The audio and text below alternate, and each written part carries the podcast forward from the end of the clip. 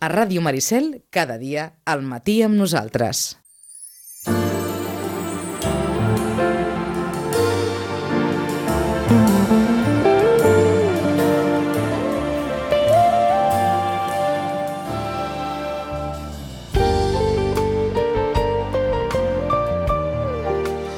Suport de la representació de la Comissió Europea a Barcelona, la Diputació de Barcelona, l'Oficina del Parlament Europeu, l'Ajuntament de Sitges i la Secretaria d'Afers Exteriors de la Generalitat de Catalunya, una nova edició de l'Hora d'Europa. En un dia, com els dèiem, important, gairebé alguns el podrien qualificar fins a cert punt de, de històric. Joaquim Millan, bon dia i bona hora. Molt bon dia. Avui és un dia fins a cert punt històric. Home, jo crec que sí, no? entre altres coses perquè tindrem, espero que la bona notícia de que finalment aquest sigui un dels eixos que per al desenvolupament que tindrem els propers anys eh, on les infraestructures són importants en una època de crisi, en una època on és important apostar per la competitivitat, per les empreses, per la innovació, un dels eixos principals també d'aquest full de ruta que marca la Unió Europea del 2020, doncs home, des d'Europa es decideixi que el corredor mediterrani és un dels eixos, en aquest cas, prioritari. No? Eh, I que ens refrescaràs una mica la memòria. Què és la Comissió Europea? Què és qui ha de decidir aquesta qüestió del corredor mediterrani? Bé, la Comissió Europea és una de les tres institucions principals de la, de la Unió Europea i és justament la que quan hi ha els comissaris, que són el que serien els ministres, i decideixen, entre altres coses, eh, en aquest cas, doncs, quins són els eixos eh, principals d'aquesta xarxa d'infraestructures a nivell europeu, en aquest cas a l'eix, eh, diguéssim, ferroviari. No? I per tant, eh, on apostaran les, els ajuts econòmics eh, eh, que des de la Comissió Europea es donaran per desenvolupar i per poder fer efectiu i una realitat aquests eixos eh, que en aquests moments nosaltres apostem pel eh, Mediterrani. Mm -hmm. I per tant jo crec que és important el que mm, des de la Comissió Europea es marqui, perquè aleshores a partir d'aquí també l'Estat haurà també de prioritzar justament aquest mateix eix, no? Saludem a la senyora Mariona Sanz. Senyora Sanz, bon dia, bona hora. Hola, bon dia. La senyora Sanz és directora de la divisió de R+D+I d'Acció 10, competitivitat per l'empresa de la Generalitat de Catalunya. Heu vist els diaris avui? Bueno, per sobre. Per sobre. Hi ha un munt d'empresaris eh, contents, satisfets per la possibilitat tan certa que el corredor mediterrani sigui un fet. Sí, sí, ho he vist, ho he vist. No, a veure, és una, és una notícia important perquè, com ha dit el Joaquim, doncs, marca tendència, no? És a dir, que la comissió doncs, fa el mapa i després els estats doncs, han de, han de posar-lo en marxa, eh? i això és una bona notícia. Eh, per la competitivitat hem de suposar que és indispensable una bona connexió. Evidentment, és a dir, la, tot el que són la, les infraestructures doncs, eh, creen una, unes condicions d'entorn per a les empreses que, evidentment, doncs, eh, és molt positiu per, per la seva competitivitat. Eh? Tot el que sigui crear condicions d'entorn favorables a, a, aquesta, a, a, a les empreses perquè puguin ser més competitives, perquè puguin doncs, a exportar més, doncs, a, és molt positiu. Hem de suposar que des del vostre àmbit d'actuació mmm, molt sovint constateu la, la realitat d'investigadors, de, d'empreses, eh, diguem-ne, de, del món que intenta d'alguna forma eh, posar-se en una posició privilegiada o competitiva respecte doncs, a, a, aquest món global tan, tan competitiu. Eh, veritablement, aquesta qüestió de, que, que ens pot semblar, no sé si, si eh, fins a cert punt anecdòtic o no, de, del corredor, és tan fonamental per les persones en les quals tracteu gairebé cada dia? A veure, nosaltres eh, el que fem és ajudar les empreses a que innovin, a que siguin molt més innovadores, no? Uh, I en aquest sentit doncs, uh, les ajudem a, a, a que puguin doncs, a treballar a nivell europeu, amb xarxa, doncs, doncs, per, perquè puguin millorar els seus productes i serveis. I una de les condicions, evidentment, perquè puguin millorar de forma contínua els seus productes, doncs és, uh, a part de que inverteixin en R+D, doncs també que puguin tenir accés a, a les infraestructures, no? És a dir, podem tenir empreses eh, que si no poguessin tenir accés a aquestes infraestructures, doncs difícilment eh, podrien ser competitives, no? I no només és a, a, a les infraestructures de transport, també em refereixo, doncs, per exemple, a infraestructures de tipus científic, no? Eh, sabem doncs, que fa poc Uh, s'ha construït doncs, un cincotró aquí mm -hmm. a Catalunya. Aquest cincotró doncs, ha, ha d'estar també a l'abast i al servei de les empreses perquè puguin fer més recerca, més innovació i puguin doncs, avançar amb els seus productes a, a llarg termini. En, en un moment de crisi, on cal deixar la, la recerca, el desenvolupament i la innovació? A veure, eh, nosaltres sempre diem doncs, que, que els deures eh, s'han d'anar fent, no? I que ja fa temps que les, les empreses, els processos d'innovació són molt llargs i per tant doncs, a totes aquelles empreses que ja han fet un esforç previ, doncs tot això que tenen guanyat, no? I un, des de que una empresa fa recerca fins que realment acaba incidint en un millor producte al final, perquè, perquè he pogut doncs, fer tot el procés d'innovació, doncs és una qüestió d'anys, no? I mm -hmm. és una qüestió d'inversió uh, evidentment la crisi afecta, no? afecta en el sentit de que s'accedeix a menys crèdit i per tant hi ha menys capacitat d'inversió. Uh, per això doncs, els instruments que, que ens dotem a nivell europeu sobretot i també doncs, a estatal i, de, i, de, i a Catalunya doncs, que són instruments que fa, que, d'ajut a les empreses perquè puguin fer aquest R+D doncs, són molt positius perquè ajuden a l'empresa realment a fer aquest, aquest esforç d'inversió en, en, en R+D. I, I fins a quin punt en una situació de crisi tot això es pot eh, justificar bé davant, no sé si dir que, que d'àmbits eh, superiors, la necessitat d'invertir, la necessitat de, bé, de, de tenir paciència perquè al cap dels anys aquesta inversió d'avui sigui veritablement productiva. Sí, a veure, les, les empreses, que, les empreses que, que són competitives són les que són innovadores i les que ja porten temps fent aquest esforç, no? i tenen productes diferencials i a més, a més coincideix amb aquelles empreses que, que són les que exporten més, no? Mm. les que tenen productes eh, tecnològicament avançats i que, i que tenen quotes de mercat. No? I en aquest sentit, clar, el, en, el, en la mesura que han invertit en R&D han pogut doncs, tenir aquests productes diferencials, doncs eh, acaben sent més competitives i aquesta és la raó eh, fonamental per la qual nosaltres eh, estem treballant i, i, i, i, i creant la cultura a, a nivell empresarial perquè, perquè es, es, es, es creï aquesta necessitat d'inversió. Eh, des, de la vostra, des de la vostra perspectiva, en quina situació està Catalunya respecte a, veure, a la resta d'Europa? Sí, sí, a veure, nosaltres cada any publiquem un, un, un informe, que és l'informe anual de l'R+D, la innovació a Catalunya. Les dades que tenim actualment de, de, de com estem, o sigui, de com les empreses estan en l'àmbit de la innovació, et diria que són, que són bones, en el sentit de que bueno, doncs, a, a nivell europeu, per exemple, doncs, ja hem aconseguit que les empreses catalanes eh, adquireixin molt, moltes més quotes de, de participació en, a, en el que és el programa marca europeu de recerca. L'any passat doncs, a Catalunya ja va representar el 2% de tots els recursos destinats a R+D a Europa, el fet que suposa doncs, un augment de 6 punts respecte al sisè programa marc. Això són, són fons molt importants aconseguits per, per Catalunya de forma competitiva, competint doncs, amb, amb les economies més avançades d'Europa.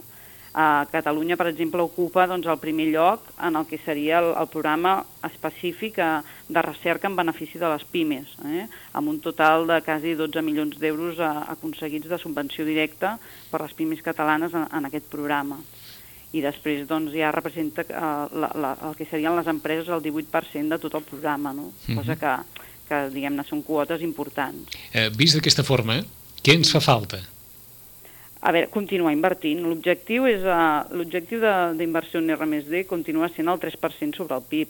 Catalunya encara doncs, està a l'1, i pico, estem per sota del que seria l'esperat i per tant doncs, el, que, el que cal és continuar invertint. I hi ha zones... I així uh -huh. partim de bases bones, de, tenim doncs, una gran producció científica que ha avançat moltíssim, eh, tenim una estructura empresarial doncs, que, que està preparada i bueno, cal fer el pas doncs, de potser transformar aquest coneixement científic en realment tecnologia que sigui eh, pues, eh, explotada per part de les mm -hmm. empreses. Eh, eh, la crisi ha afectat aquesta inversió o d'una manera més o menys crònica la nostra inversió, aquest tant per cent del PIB que destinem a investigació, ha, ha estat eh, eh, sempre més aviat a la baixa? Uh, quan estem parlant de Catalunya, entenc, sí, no? Sí, sí, sí. A, a veure, la, a Catalunya ha fet un gran esforç d'inversió en R+D eh, els, els darrers anys, Uh, uh, uh, entenc que doncs, uh, l'esforç uh, s'està fent. Uh, veurem a veure què passa amb el, amb el pressupost d'aquest any, no ho sabem exactament encara, eh? però, uh mhm. -huh. però l'esforç s'està fent. Um, hi ha bons professionals? Sí, molt, molt, molt. bons. Ens, ens, però ens en falten, eh? Necessitaríem més. Però els són bons. és que, és que no, com que heu, heu fet èmfasi en la qüestió de la inversió, hem pressuposat, gairebé, o almenys amb, amb les paraules elogioses que dedicau al, al que s'està fent, que hi ha molt bons professionals, Sí, però quan sí. dieu que ens en falten, ens en falten perquè no en surten prou de, la, de les universitats, perquè, perquè el, el panorama, diguem-ne, universitari eh, eh, està mal plantejat en aquest aspecte o perquè No, veritablement no, no... la, la A veure, universitat catalana és molt competitiva, tenim Ahà. molt bons investigadors i a més estan molt reconeguts a nivell europeu eh, fan- amb, amb, amb, amb, eh, per tots els instruments justament del, del programa Marc que, que els afavoreix. Doncs aleshores, segur. aleshores és poc el, motivador? El que passa o- és que el que tenim, el que tenim és empreses que, que fan R+D, que tenen els seus laboratoris, els seus eh, enginyers treballant i potser els hi manca una mica més d'experiència de, a nivell internacional. I això és el pas que hem de fer, no? de, perquè, perquè puguin doncs, també col·laborar amb empreses i universitats de fora per fer aquests projectes d'R+D. Eh? Això és I- el que una mica manca, però professionals n'hi han de molt bons i molta capacitat. Eh, mm, a partir del que dieu, els professionals han de, no sé si dir, eh, eh, assumir o entendre com una part de la seva carrera professional el desenvolupament de la seva feina eh, eh, fora de Catalunya en algun moment. Bé, fora de Catalunya o amb, O, amb, gent empreses, de fora? o amb empreses de fora de, de forma Catalunya. inter internacionalitzada. D'acord, d'acord. A partir d'aquí, aquesta seria, diguem-ne, un, un dels pocs aspectes que es trobarien a faltar perquè encara eh, Catalunya estigués més ben posicionada des Sí. d'aquest punt de vista. Nosaltres treballem molt en aquest àmbit. Eh? Estem, bueno, nosaltres el que fem és doncs, acompanyar l'empresa en tot aquest procés no? de, de R+D internacional i tenim i justament un dels àmbits de treball que, que, que estem fent molt èmfasi és en la formació del, de, dels professionals, perquè sabem que és un dels, de, del que, de, de, de les mancances que tenim, no? Uh, que, que, aquesta, que el que seria doncs, el personal dedicat a R+D a l'empresa també adquireixi aquesta, aquesta forma de treballar a nivell internacional. És el, D'acord. el que estem treballant. Eh, hem d'interpretar a partir de les vostres paraules que davant de la crisi global que es viu, una de les sortides és la creació d'empreses amb valor afegit, que en aquest cas pot ser el de eh, la investigació i la de productes veritablement singulars que no tinguin una competitivitat evident i que, en fi, resultin de, de vell nou en el panorama, no? Eh, eh, és una de les, de les, És una de les sortides. Una de les sortides, sí, sí. Ho dic perquè mm, tenim aquella sensació que cada dia ens parlen de- d'empreses amb vero, d'empreses que pleguen, d'empreses Sí. que tanquen, i, i en canvi eh, ens esteu dibuixant un panorama des d'aquest estricte punt de vista de, de la investigació com de eh, eh, empreses que, que segueixen endavant proposant productes que veritablement sí que poden competir internacionalment. Sí, sí. A banda, també l'altre, un, un, un, un aspecte també important és uh, l'estructura que té Catalunya de, de suport a l'R+D, que no només uh, l'empresa no està sola, Mm. en el sentit de que hi ha molts, moltes universitats, centres, la, la xarxa de, de centres tecnios, centres tecnològics que donen suport a l'empresa per fer aquest R+D, i nosaltres sempre el que estem apostant molt és realment perquè hi hagi molta sinergia a nivell local eh, entre empreses i centres a Catalunya per després anar junts a Europa, perquè a Europa hi ha molta competència i una empresa sola a vegades difícilment eh, pot, pot accedir no, a, a, a projectes. En canvi, si va de la mà doncs, de, de centres i universitats que ja tenen experiència, doncs és més, és més senzill. No? Llavors, tot el, tot el que seria potenciar la recerca col·laborativa a nivell Catalunya també ens interessa molt per després internacionalitzar-la. Um, potser aquesta és una pregunta molt de- d'allò de, peu de carrer, de, de Sí. persones que ens escolten des de casa. Un investigador es guanya bé la vida? A veure, eh, jo crec que a nivell europeu, evidentment, doncs, eh, és com, és com, et podria dir que és el, el mateix, la mateixa diferència que podria haver amb, amb una persona amb una empre, a, a nivell empresarial. Mm. És a dir, ja sabem, doncs, tothom sap que a Anglaterra es cobra més i a, i a França també. Doncs eh, la diferència seria similar. D'acord. Això, és clar, eh, ara és un, és un tòpic potser. Això és bo o és dolent? A veure, jo crec que, que bueno, tenim la tradició que tenim. que, no sé què dir. Home, a mi m'agradaria que tots cobréssim més, no? però tenim l'autonomia ho, que tenim. No? ho dic en el sentit que te, eh, és fins a cert punt paradoxal.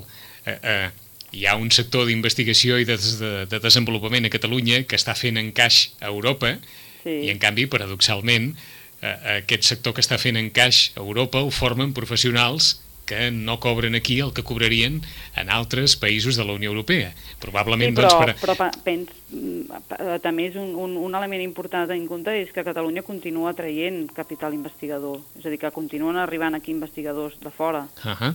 a treballar aquí. Per tant, el factor mm, sou en aquest cas està, bueno, està superat. D'acord. Eh? O sigui, per tant, la diferència no és tan gran. Us, us ho pregunto per si els professionals poden pensar en si estan igualment mm, recompensats eh, eh, aquí que fora. Ja, ja, ja. Per això, eh? senzillament per això, perquè des d'un punt de vista de, de, de qualitat i de, i de valor, ho heu assenyalat ja eh, i, i no cal ni, ni qüestionar-ho, però des de, Sí, sí, sí. des de tot el que acompanya aquest reconeixement professional, eh, i, inclòs l'àmbit econòmic, si veritablement hi ha moltes diferències ara eh, Mm. entre Catalunya encara i la resta de, de països de la Unió Europea. Bueno, continuem amb, amb una certa diferència, però també la, la, hi ha llum... O sigui, penso que també s'està traient cap- capital investigador i, per tant, doncs, eh, d'alguna manera això s'està superant. Mm. A partir del que ens dèieu, hi ha empreses europees que miren Catalunya? Sí, clar, sí, sí. A veure, el, el fet de que Catalunya hagi augmentat la seva participació en un programa tan important com és el setè programa Marc, que estiguem molt ben posicionats, doncs ja hi ha un reconeixement d'aquest progrés. No? I, I això fa que, doncs, que, que, que sigui doncs, a, a Catalunya comença a ser doncs, diferencial. Eh, Mm. D'acord. A, a partir d'aquí, eh, mm, hi ha empreses que venen a Catalunya a buscar professionals? Per fer R+D, Sí. per, eh, per innovar, Mm.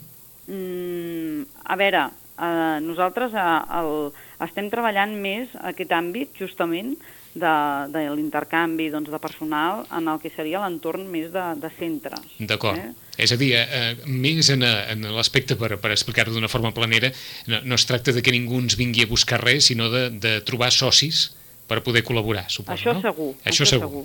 Això segur. Aquí, el, el, el, justament, el programa europeu és un programa que és molt obert. Eh? No, no, diguem-ne que no, no, no existeix una condició prèvia per participar. Mm. Aleshores, si tu com a empresa, com a centre, com a, et pots diferenciar d'alguna manera perquè ets el més competitiu en un àmbit concret, aleshores segur que et venen a buscar. D'acord. Ens dèieu que a Europa hi ha molta competència, i la competència d'Europa quina és? A veure, sempre s'ha dit la, la, la, la divisió nord-oest, no? És a dir, uh, tot el que seria França, Anglaterra, els països nòrdics Mm. i la resta, no? Diguem-ne. Um, Alemanya, evidentment, Holanda Sí. i, i la resta, no? I sobretot amb els temes de R+D és on es nota més, eh? Vull dir, és on, on realment hi ha més diferència. Uh, tot i així, ara comencen a sorgir àrees doncs, de, de, on, on s'ha fet molta inversió i, per tant, doncs, comencen a destacar, i una d'elles és Catalunya. Mm.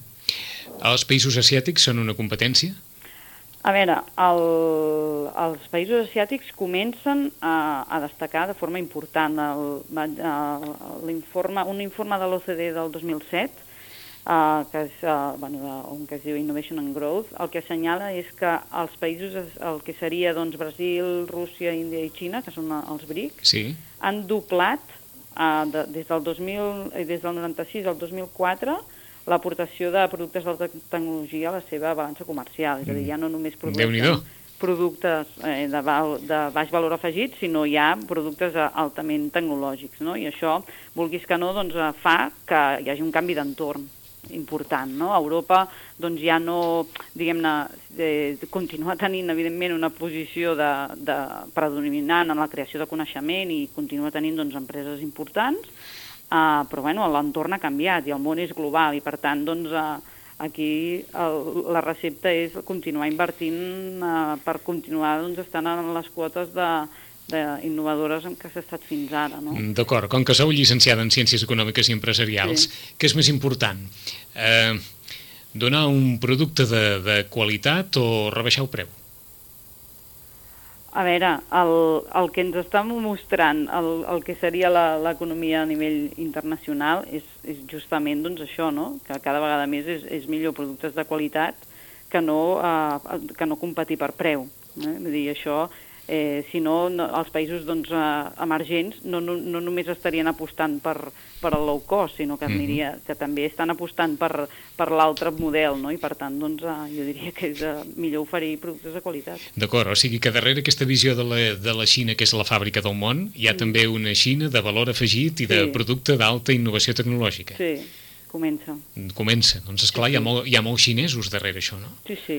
I, i per tant és, un, eh, eh, és una competència important o serà una competència sí, important és una competència important i per això la recepta de la Unió Europea és unir-se i integrar max, al màxim esforços perquè, clar, si cada país va per, a, fent esforços de forma individual, doncs té menys força que si ho fa de forma conjunta, no? Mm. I aquest és el sentit una mica del marc comú a nivell europeu en l'àmbit de les polítiques de R+D i d'innovació.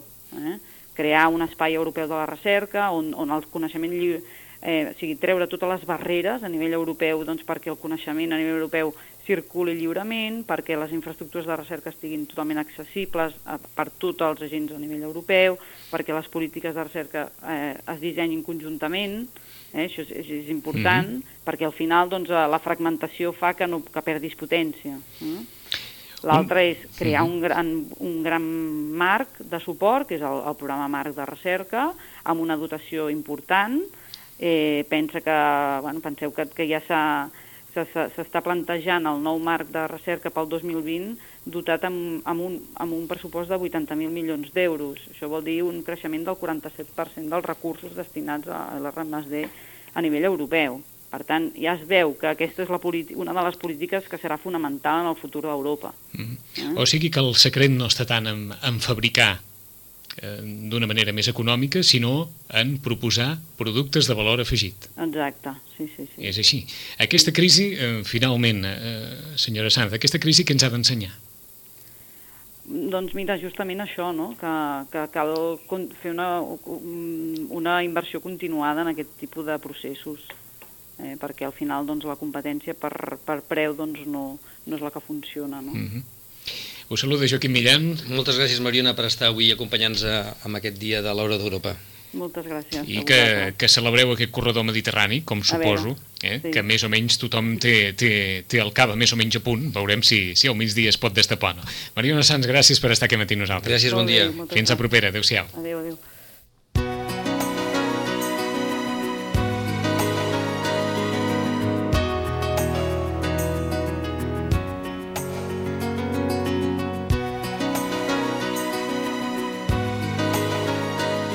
Bé, doncs la recepta és aquesta, una recepta que ens han donat en més d'una ocasió i en més de dues i en més de tres molts dels intervinents eh, en aquest programa. Cal producte de valor afegit, cal invertir. El problema és que quan hi ha una crisi tan forta, eh, plantejar una inversió a llarg termini tampoc, tampoc no és fàcil, però Tothom ens diu que és l'única sortida. Bueno, no és fàcil, però els que tenen l'usadia de fer-ho saben que si se n'en surten, eh, quan aquesta crisi teòricament eh, vagi minvant i ja comencem a tindre una altra època una mica més fàcil, entre cometes, són els que estan millors posicionats. No?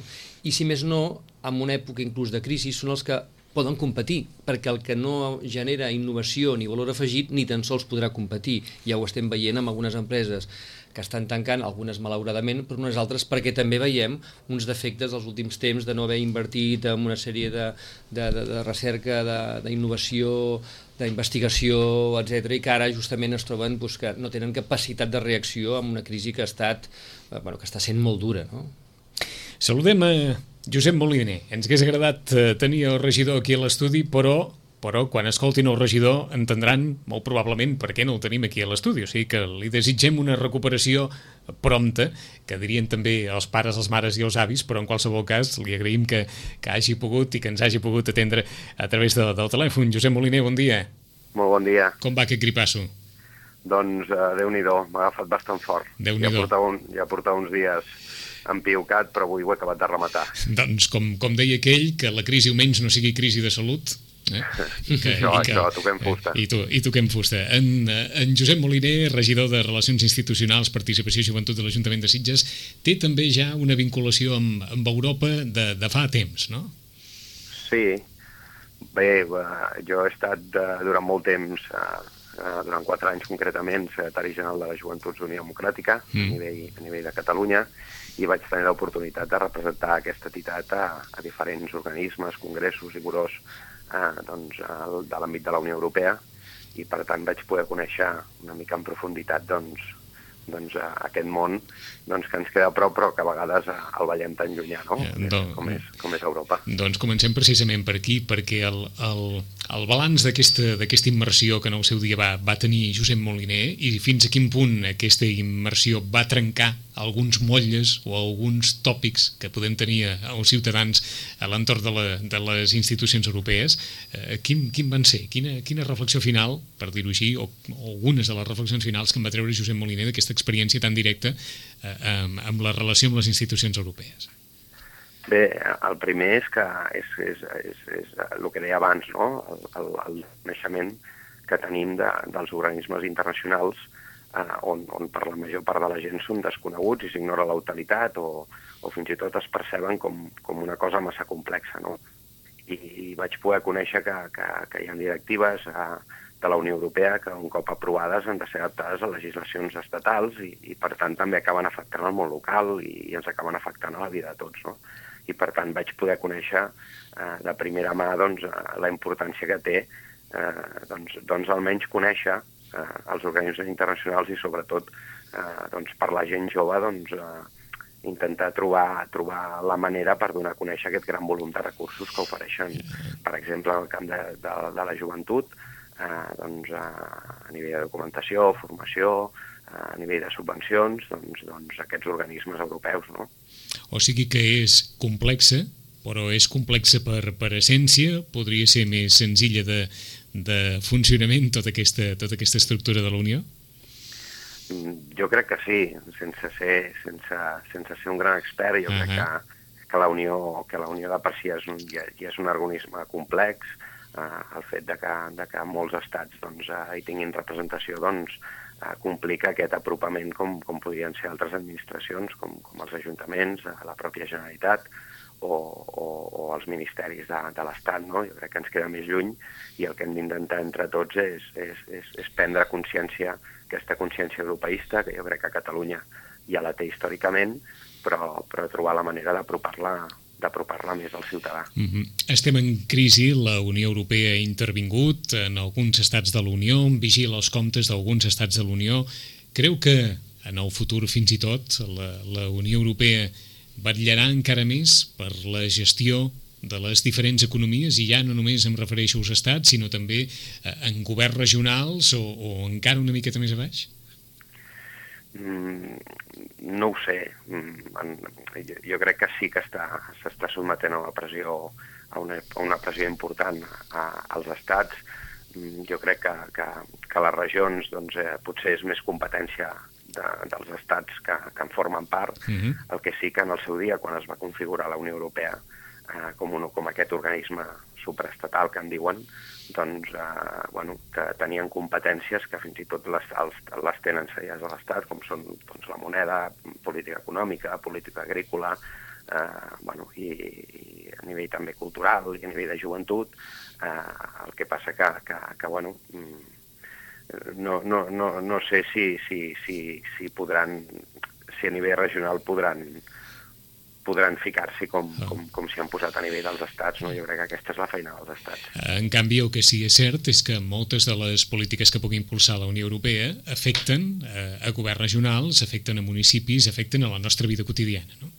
Sí, sí, sí. Això, sí, com he dit abans, eh, té molta importància doncs, eh, tenir en compte per part de tots aquests, aquests, aquests organismes, no? en el qual eh, una, una directiva doncs, pot canviar una llei d'una forma imminent i, per tant, que tots ens adaptem a, amb ella, no? I això, encara que, que, que, que costi doncs, uh, d'entendre o, o d'assimilar, perquè queda lluny, com he dit abans, mm -hmm. doncs uh, té, un, té, un, té una importància als ens locals, uh, però també a les entitats i, i, i, i, i a tothom, no?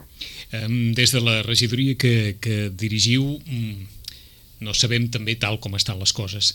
Si, si ara eh, fer referència a Europa o intentar difondre una certa idea d'Europa en aquesta Europa tan trasbalsada econòmicament eh, és una de les prioritats o en aquest cas el, el regidor des d'aquest punt de vista de, dels temes que puguin vincular-nos a la Unió Europea té, té un plantejament que, que s'emmarqui més amb la, amb la difusió del coneixement, en continuar mantenint viva eh, més o menys aquesta, aquesta flama. Sí, com a regidor, doncs, el qual tinc les competències en temes europeus i, i en temes internacionals, jo crec que, que hem de seguir fent pedagogia com, com s'ha fet aquests darrers anys, sobretot en, en donar a conèixer doncs, eh, la utilitat d'aquests organismes internacionals i, i també de la Unió Europea, del Consell d'Europa, de la Comissió Europea. Jo crec que, que és important i com també sóc regidor de, de participació ciutadana i joventut, jo crec que és, que és, molt, és molt important seguir afavorint, sobretot, eh, el, el coneixement de la gent jove del que, del que significa aquesta Unió Europea. No? Jo, soc, jo crec que, que són ells, o, o bueno, permeteu-m'ho dir, perquè tinc 31 anys també, també, també nosaltres, no? eh, doncs, doncs eh, la importància de conèixer el que t'ofereix la Unió Europea, no? Eh, la Unió Europea doncs, eh, t'ofereix, eh, més enllà de l'Erasmus i, i, i programes que ja funcionen des de fa anys, doncs s'ha doncs, marcat amb el, amb, amb el llibre blanc de la joventut, que es va aprovar l'any 2001, doncs, uns, uns objectius principals estratègics, com són l'educació, la formació, el treball, l'emprenedoria, la salut, el benestar, la participació, eh, doncs, diferents activitats voluntàries, eh, programes d'inclusió social, de creativitat, i crec que tot això és el que hem de seguir acostant eh, des de les regidories a la gent jove dels municipis. Com ho farem? Doncs, bueno, doncs, bueno, vostè mateix ho ha dit, no? Eh, és una situació molt complicada, els recursos són molt escassos, però, però el que sí que està clar és que, és que, és que jo com a regidor i, i també aquest govern doncs, doncs aposta per aquesta, per, aquest, per aquesta internacionalització de la gent jove i també pel coneixement de, de, de, de tots aquests organismes i del que ens ofereix. Eh, ens ho heu posat molt bé quan fèieu referència a l'Erasmus. Fora d'aquesta etapa de l'Erasmus, eh, i dels joves que, que hi participen, mm, la connexió amb Europa eh, es trenca d'alguna manera? Després de, de l'Erasmus, després de l'experiència que pot suposar un Erasmus per molts estudiants eh, universitaris, després la, el, el fil eh, es, es trenca amb aquest, amb aquest lligam eh, amb, amb Europa i és difícil ja després que plantegin la carrera professional, no sé, eh, eh, més enllà de, la, de les fronteres de Catalunya?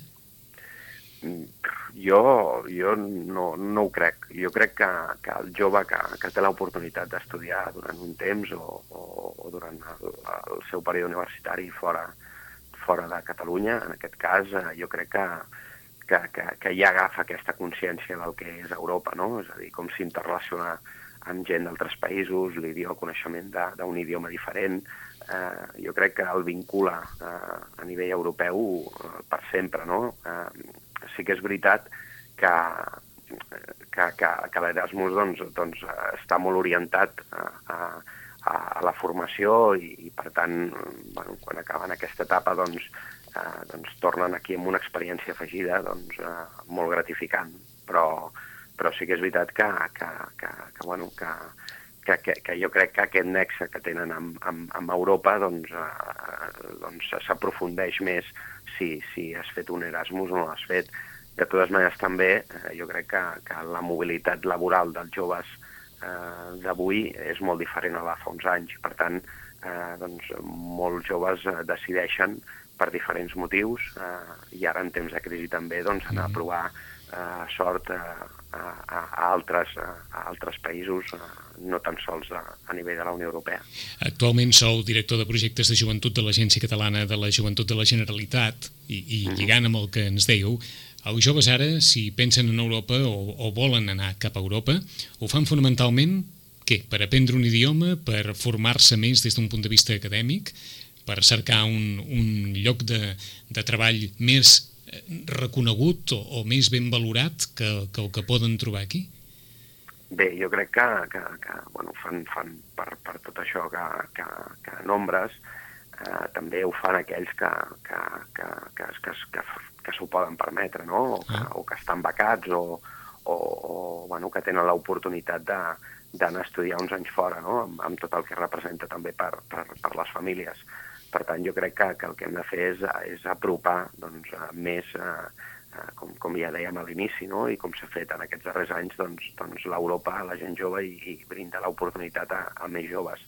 Eh, sí que és veritat que, que, que bueno, hi ha programes específics com, com, com són el, el, el de Joventut en Acció, que dona recursos a entitats juvenil per dur, per dur a terme, per exemple, projectes d'intercanvi internacional i de formacions i de servei de voluntariat, Eh, és a dir, hi ha programes específics que sí que ajuden eh, i que estan subvencionats a, a que els joves doncs, doncs, eh, doncs es, es nodreixin d'aquesta mobilitat internacional, no? però jo crec que encara hi cal apostar més i, i, i intentar fer un esforç perquè el, perquè, el, perquè el jove català, també aquell jove emprenedor, doncs, pugui internacionalitzar la seva empresa i, i, pugui, i pugui tenir un recolzament doncs, molt més gran quan, quan, quan decideix tirar endavant. Mm. Us pregunta Joaquim Millan, regidor. No, jo, seguint amb, amb el que deia ara el regidor, dic, uh, uh, jo crec que és molt important el, el tema també de que uh, justament en un dels eixos que marca la nova estratègia de la Unió Europea de l'Europa 2020 es parla de joventut en moviment com un de les set dels set principals iniciatives que hi haurà.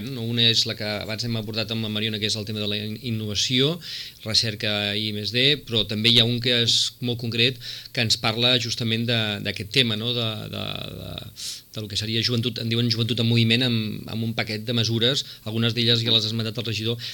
I, jo el tema és, és a dir, la pregunta seria què podem fer i en tant en quant eh, regidor de, de l'Ajuntament de Sitges que també porta joventut i a la vegada té la doble competència des de la Generalitat perquè els joves des d'aquí eh, siguin molt més apostin molt més per aquesta mobilitat, per la, pels idiomes, que encara segueix sent, després de tants anys, un punt feble que tenim, ho veiem quan inclús anem a la universitat, doncs, que hi ha gent que no pot seguir segons quins estudis perquè parla l'anglès d'aquella manera que a la realitat no els pot seguir, o per exemple, quan parlem de l'emprenedoria, doncs també veiem on la, la taxa d'atur juvenil eh, en l'estat espanyol i a Catalunya és la doble que la mitja europea. Què, què podem fer des d'aquest de, des tipus d'administració, com pot ser una regional a nivell europeu o una local?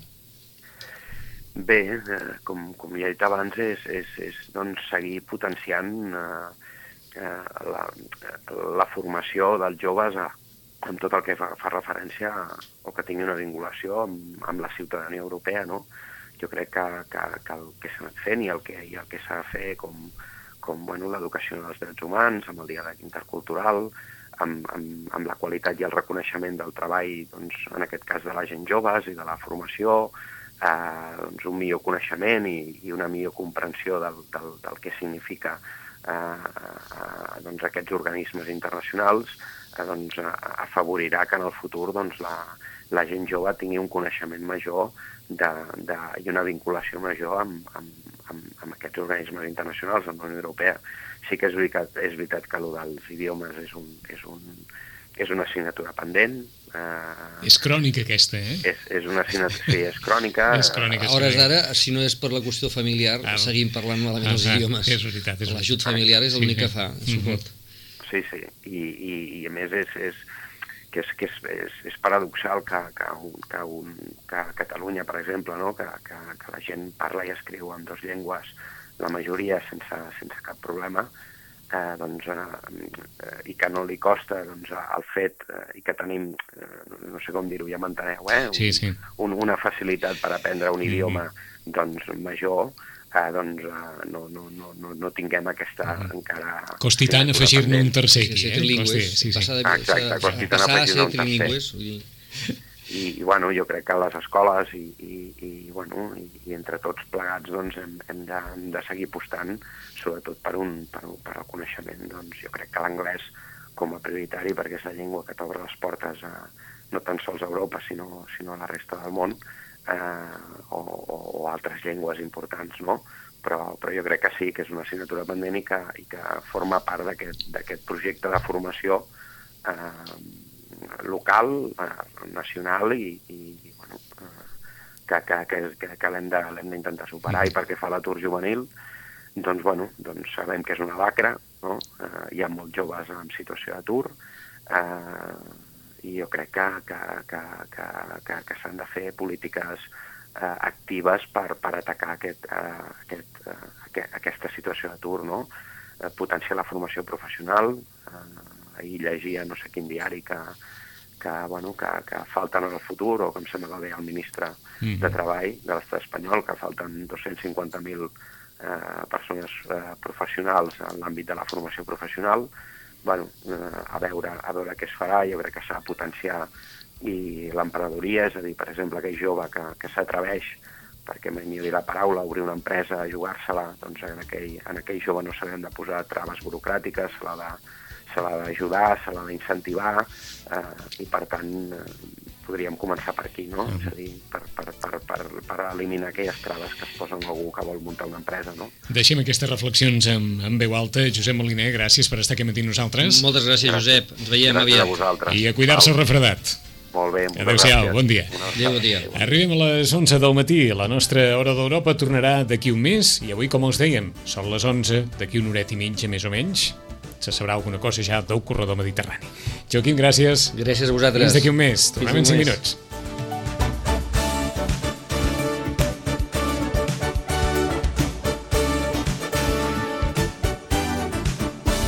A Ràdio Maricel, cada dia al matí amb nosaltres.